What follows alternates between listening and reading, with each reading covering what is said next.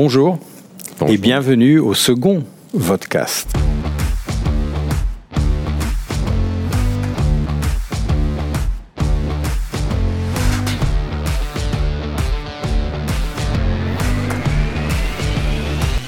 Ancea est-il prêt pour ce passage du diesel aux variantes électriques?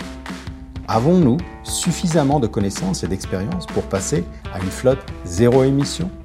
Et mes compétences et talents actuels en tant qu'employé en CA resteront-ils pertinents dans ce nouveau contexte? Dans un épisode précédent du podcast Future Forward, nous avons déjà abordé brièvement le thème zéro émission. Aujourd'hui, ensemble avec l'expert en matière Mark van Houten, nous examinons de plus près la transition de Ansea vers des services plus écologiques. Bonjour, Bonjour. et bienvenue au second Vodcast en. CA. Hein, vous avez le plaisir et l'honneur euh, d'introduire un concept de communication quand CA vient juste de lancer, Marc. Oui. Et bienvenue. Euh, le but de ce podcast, hein, euh, durant le premier podcast euh, avec la direction, on a parlé de thèmes divers comme le passé, le présent, le futur. Dans CA, zéro émission, les contrats et des, des questions spécifiques qui étaient posées par le biais d'un sondage, d'une invitation. hein. on a invité tous les employés euh, en CA à exprimer euh, leurs préoccupations et, et leurs questions à travers ce sondage. Aujourd'hui, on a fait la même chose autour d'un thème assez spécifique qui préoccupe aussi pas mal de, de- de personnes au sein d'ANCEA, et c'est le thème zéro émission. hein. Et donc, on est là avec vous en tant qu'expert, et je vais vous laisser le plaisir de vous présenter, Marc, parce que quand il s'agit de ce thème zéro émission, vous êtes vraiment une personne très apte à répondre à ces questions. Ben, merci. Euh, je m'appelle Marc Fanout. Euh, j'ai travaillé pour le groupe euh, dans le passé. Jusqu'à 2006, j'étais le directeur technique. Nos, nos destinations ont séparé après. Mais maintenant, comme retraité, je travaille comme consultant pour, euh, pour le groupe, euh, pour l'aspect de, de bus électrique.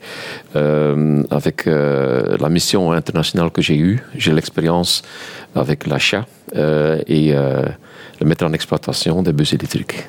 On sait que Ed Bloom a eu le scoop pour les bus. Ouais. hein. et on sait aussi, et ça je le sais parce qu'on a, on l'a entendu de Joris, le, le CEO de Ansea, que ça crée beaucoup d'anticipation, que les gens sont curieux, qui sont passionnés. Et donc, on a une question, euh, quand est-ce que les autres dépôts vont se mettre au bus électrique aussi hein? Où en sommes-nous aujourd'hui Euh, euh, Est-ce Oui. qu'on peut satisfaire cette curiosité? C- C'est-à-dire, pour l'instant, euh, comme j'ai expliqué, on a concentré un petit peu chez, chez Heideblum. Oui, Euh, on a prévu déjà cinq dépôts qui seront équipés pour quelques véhicules. oui. Mais on ajoute quelques dépôts l'année prochaine. On ne peut pas commencer dans chaque dépôt en même instant parce qu'il faut la connexion au réseau, il faut l'infrastructure, euh, ça prend du temps. Et c'est peut-être pas possible partout. On, on doit vérifier, mais ok. Euh, mais euh, on a 30 bus qui seront mis en service cette année-là. Ça, c'est une Fin bonne de l'année, nouvelle. hein. c'est déjà quelque chose. Oui. Et euh, l'année prochaine, on, on ajoute 67 véhicules, euh, où il y a 18 euh, articulés pour la première fois. D'accord. Il y aura aussi euh, 49 euh, 12 mètres qu'on va aj- ajouter. Et on ajoute deux dépôts au réseau qui, qui sera électrifié. Donc on va faire des, heureux- des heureux, hein, des personnes heureuses, parce qu'on on double la capacité. Je crois qu'il y en avait 32 prévus cette année. Euh, 30 cette année Et et euh, 67 l'année prochaine Voilà. qu'on ajoute. Donc il y aura des personnes qui seront contentes. oui, mais c'est un challenge, hein, en tout C'est cas. un challenge. C'est un Ouais, challenge, ouais. exactement, exactement. C'est pour ça que vous êtes là. Oui. Voilà. Euh, une question qui vit, hein, bien sûr, on a acheté les premiers bus. euh, ce que les gens voient, c'est qu'aujourd'hui, il y a juste des bus MAN.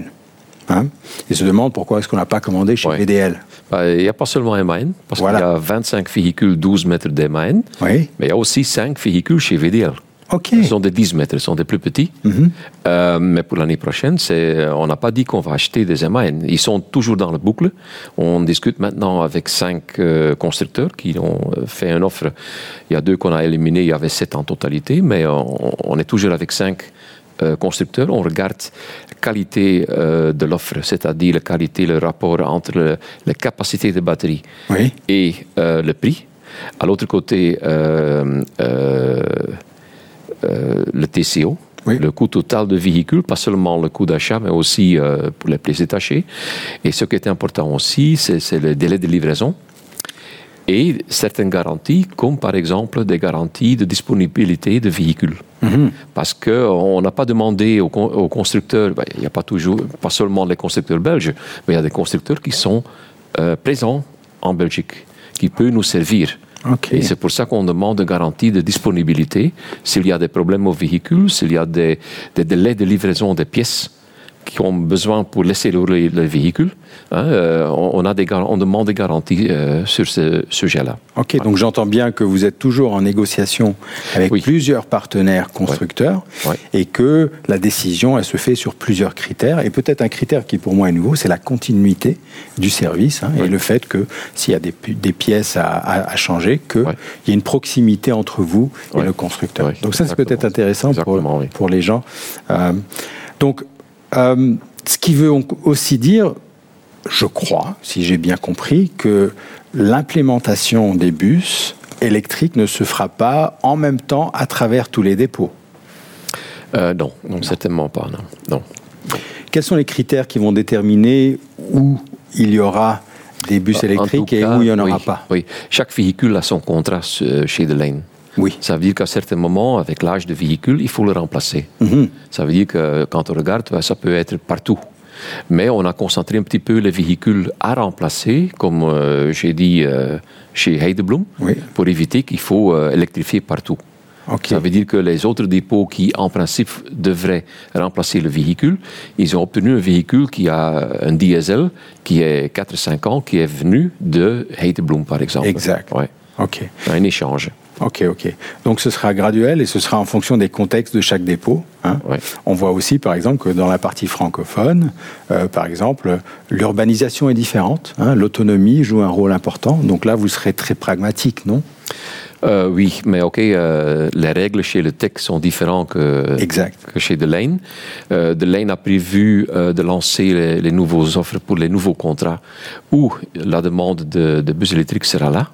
Euh, on n'a pas encore entendu ça chez, chez le TEC. Hein, Donc ce qui est, ce qui est très important, c'est que c'est pas vous qui décidez spécifiquement, c'est aussi les contrats des partenaires et les attentes des partenaires. Oui, oui. Bah, en tout cas, ANSI a joué un rôle euh, pour lancer maintenant déjà le remplacement des véhicules euh, diesel par électrique. Ok, Marc, une question qui vit à travers les employés en CA, c'est de se poser la question pourquoi, même si on a une partie limitée de bus disponibles, pourquoi est-ce qu'on les a pas répartis systématiquement à travers tous les dépôts?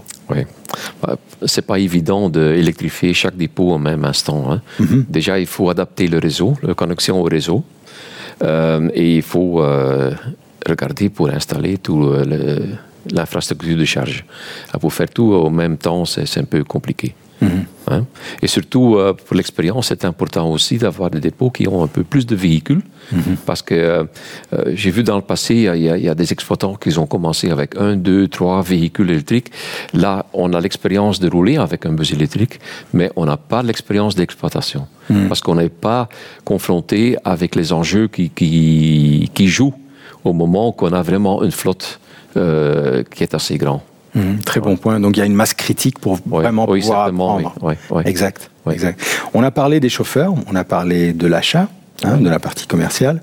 Alors maillon très très important, l'équipe technique. hein. Euh, on a eu Peter dans le podcast, le podcast précédent qui disait qu'il y a une énorme passion des, de l'équipe technique et euh, ils sont aussi friands de faire cette transition. Comment est-ce qu'on va les soutenir, les accompagner pour faire cette transition? À l'un côté, il y a beaucoup de choses qui sont les mêmes. hein. C'est un véhicule, il y a toujours euh, le châssis avec euh, les suspensions, avec le freinage. Ça reste la même chose. Mais euh, tous les mécaniciens auront des. Il y a des gens qui ont déjà eu des formations pour être. Euh, travailler au, au- au système de, de haute tension. Hein, c'est un certificat que vous... Ils vont être vous- certifiés. oui, il faut être certifié de le faire. Et euh, après, il y, a, il y a aussi euh, les formations chez le constructeur typiques sur le véhicule. Mais c'est un, oui, c'est un nouveau, nouveau technique euh, qu'il faut s'adapter et on va accompagner les, les mécaniciens euh, pour, pour cette transformation. Ouais. Oui, il y aura peut-être aussi des spécialisations hein, très très pointues. Oui, bah, déjà, on a un peu de spécialistes. disons que même sur les bus électriques, sur les bus diesel, il y a beaucoup de choses électroniques. Mhm. Hein, il y avait déjà un ordinateur pour regarder la boîte vitesse. Alors, les gens sont déjà adaptés à l'informatique, disons. Mhm. Hein. Mhm. Très bien. Autre question sur vraiment l'expérience. Et on parle des caméras. Hein. Il y a des caméras, une sorte de rétroviseur qui donne une certaine vision. Et il semblerait que la vision ou l'expérience des conducteurs et des chauffeurs n'est pas la même sur les bus électriques. Vous pouvez en toucher un mot? Oui, bah, c'est-à-dire avec les miroirs à l'époque, vous pouvez l'adapter un petit peu, mhm. l'ajuster. Oui. Avec les caméras, c'est pas possible. Mhm. Hein. Et ce qu'on voit, parce qu'il y a des chauffeurs qui ont dit voilà, on voit pas les roues arrière Hein, il aime bien de voir les roues arrière dans, dans le rétroviseur. Et euh, maintenant, ça ne va pas euh, parce qu'on ne peut pas l'ajuster. Hein. Mais c'est un, il faut s'adapter un petit peu. C'est n'est pas mhm. vraiment un problème. Mais c'est sûr que vous êtes en contact avec les constructeurs, hein, parce que vous avez remonté cette information. Oui, oui, euh, cette information a été euh, donnée aux constructeurs, mais euh, les véhicules sont homologués. Hein, c'est pas facile de changer. Hein. Mais au moins, le constructeur sait que c'est quelque chose que les, chauffeurs et les conducteurs aimeraient bien avoir, et intègre ça dans peut-être les évolutions futures de de ces systèmes. Oui, oui, oui.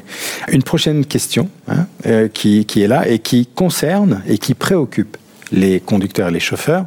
C'est un aspect de sécurité. Ils ont l'habitude d'avoir des rétroviseurs traditionnels. Mhm. Maintenant, ils sont confrontés à des rétroviseurs qui sont des caméras.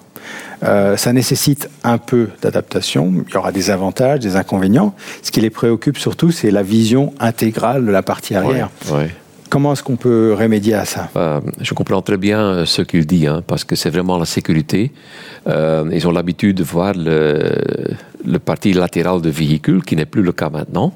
Euh, c'est pas ajustable, mais en tout cas, on a annoncé ce cette souci au constructeur qui, qui, nous a promis de regarder ce qu'il peut faire. Mais ce n'est pas quelque chose que tu peux faire le lendemain parce que c'est lié aux homologations de véhicules. Alors il faut, il faut attendre un petit peu. Mhm. Mais quand même hyper intéressant que les, que les euh, conducteurs et les chauffeurs remontent cette information. Oui, certainement. Oui, oui, continuent à le faire. Hein. C'est très important, oui. Alors, euh, une question qui préoccupe aussi beaucoup de gens au sein euh, d'ANSEA dans le thème écologique, hein, et qui me préoccupe aussi un peu, parce que je suis content d'être en face d'un expert qui pourra enfin répondre à cette question. Dis, Marc, ces bus électriques, est-ce qu'ils sont vraiment plus écologique que les bus diesel bah, Si on regarde la construction de véhicules, il y a deux choses. Il y a le véhicule comme un diesel, ça reste la même chose. À l'autre côté, il y a les batteries. Mhm. Donc c'est bien la, euh, construction des batteries. Euh, il y a des éléments dedans, il y a, aussi un souci. Euh, mais les batteries, ils ont deux vies. Pour commencer, on l'utilise dans les véhicules. On l'utilise jusqu'au moment que la capacité est descendue d'un certain seuil. Et à ce moment-là, euh, ils sont toujours en bonne fonction, mais ils ne nous donnent plus la capacité nécessaire pour faire notre service. Hmm. Et à ce moment-là, on va remplacer les batteries. Les batteries vont servir une deuxième vie, c'est-à-dire pour le stockage d'énergie. Et euh, après, une troisième vie, c'est la, recyclation des composants qui se trouvent là-dedans. Donc c'est vrai qu'on va non seulement recycler ces, batteries, mais on va les réutiliser d'une façon différente. Donc ils restent à disposition euh, dans CA. Hein, sous des formes différentes. Oui, oui.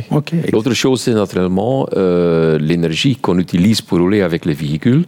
Euh, il faut qu'on l'énergie verte. Hein. Mhm. Hein, c'est ça qu'on a besoin de beaucoup de plus d'énergie durable. Oui, des éoliennes. des, éoliennes ou des, panneaux, solaires. Mhm. Excellent, excellent.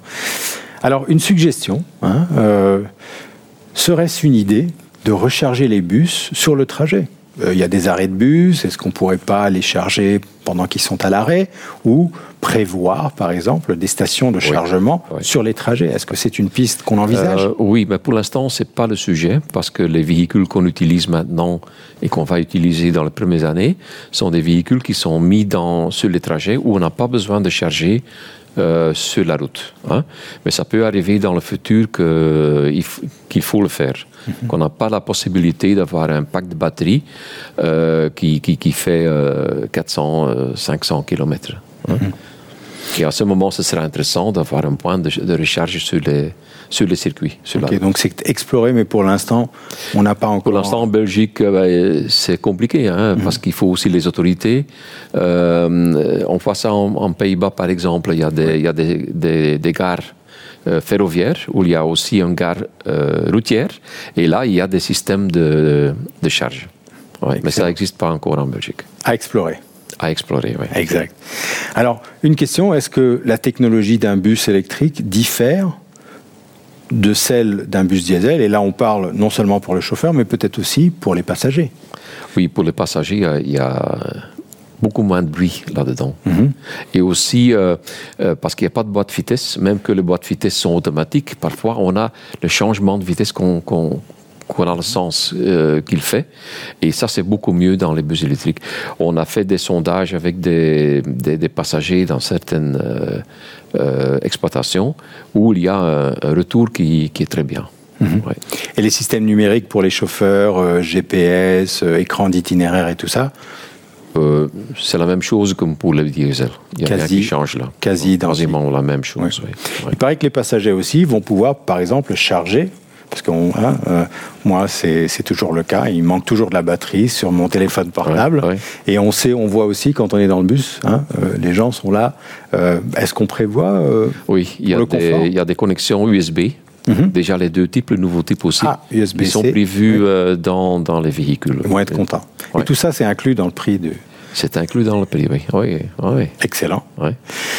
Alors, les longs trajets, est-ce que c'est quelque chose qu'on envisage pour les bus électriques? Est-ce qu'ils sont en mesure d'assurer euh, les services sur les plus longs trajets? Oui, bah, c'est-à-dire, comme déjà dit, pour l'instant, on utilise les véhicules sur les trajets qu'on peut faire et déjà on a la possibilité de, de dépasser les 250 km. Mm -hmm. C'est déjà quelque chose.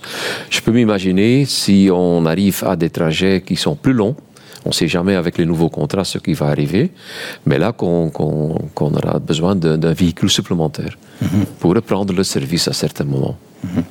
ouais. C'est vrai qu'en termes de planification, vous, vous, vous la faites à l'envers. Alors maintenant, vous regardez les ouais. trajets à faire et puis ouais. en fonction de ça, on a toujours le diesel pour les services qui sont plus longs pour l'instant. Oui. Mais à fur et à mesure qu'on remplace les véhicules, on va vérifier quoi faire. Mais c'est bien possible qu'on arrive à certains moments de flotte véhicules où il y a quelques véhicules en plus. Ça, c'est bien possible. Est-ce qu'il y a des tendances qu'on peut déjà, auxquelles on peut s'attendre pour, pour faire de sorte que cette autonomie hein, euh, s'agrandisse ben, c'est déjà grandi, hein? Oui. hein? parce que maintenant on parle surtout sur les véhicules euh, articulés, on parle déjà des, des, des capacités qui, qui, sont presque de 700 kWh. Mais il faut naturellement aussi la place pour le mettre. Mm -hmm. Si on a un 12 mètres et on veut mettre le même euh, pack à batterie, c'est compliqué. Mm -hmm. euh, mais la densité d'énergie des batteries augmente. Hein, ça, c'est l'évolution des batteries. Ça veut dire que pour la même taille des packs, on a une capacité qui est plus élevée. Mm -hmm. Et euh, on attend dans le futur, dans le proche futur, euh, je parle de 25, 26, une nouvelle technologie de batterie qui va arriver. Et sans doute les stations de chargement qui, a, qui seront en mesure de charger plus rapidement aussi, un débit. Oui, mais ça c'est déjà possible, hein, oui. mais euh, il faut regarder parce que la vitesse de charge, euh, est limité sur, les, sur le, le, le, type de, de véhicule. De, de, de, batterie, non. Ah, le type de batterie qui est monté euh, donne que tu as euh, limite sur la vitesse de charge. Mm -hmm. C'est pour la longue vitesse des, des batteries. Alors quelque chose qui me fascine toujours, et j'ai entendu parler de ça dans les actualités, c'est par exemple, on arrive quelque part, la batterie est démontée, on remonte une autre batterie et on repart. Ouais. Ce sont des pistes aussi qui sont envisagées? Euh, En Europe, c'est pas envisagé. Euh, j'ai jamais entendu parler. Je sais que à Shanghai, il y a eu un projet euh, avec un partenaire de Volvo qui a eu de, des robots mm -hmm. pour, de façon automatique, enlever les batteries d'un véhicule et de mettre des nouvelles batteries dedans et euh, de charger les batteries séparément des véhicules. Mais en Europe, euh, pour l'instant, on n'en parle plus. Okay. On n'en parle pas, non. non. Ben, C'était très complet, hein, ce second euh, podcast et vodcast dédié entièrement à ce thème zéro émission. Fut un plaisir de t'avoir ici dans le studio et merci d'avoir répondu à toutes ces questions. Et euh, je te souhaite une bonne continuation merci. au sein du groupe parce que je crois que vous avez une valeur ajoutée incroyable. Merci de votre participation Avec plaisir. et au personnes qui écoutent ce podcast ou qui regardent ce podcast. à la prochaine fois et merci d'avoir été présent à cette émission. Avec plaisir. Merci Marc.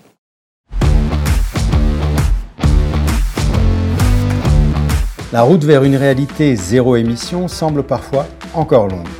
Mais c'est une réalité où ANSEA compte faire la différence, ensemble, main dans la main, avec les équipes administratives, les conducteurs et les équipes techniques. Merci de nous avoir regardés ou écoutés. Rendez-vous très bientôt pour un nouvel épisode du podcast Future Forward.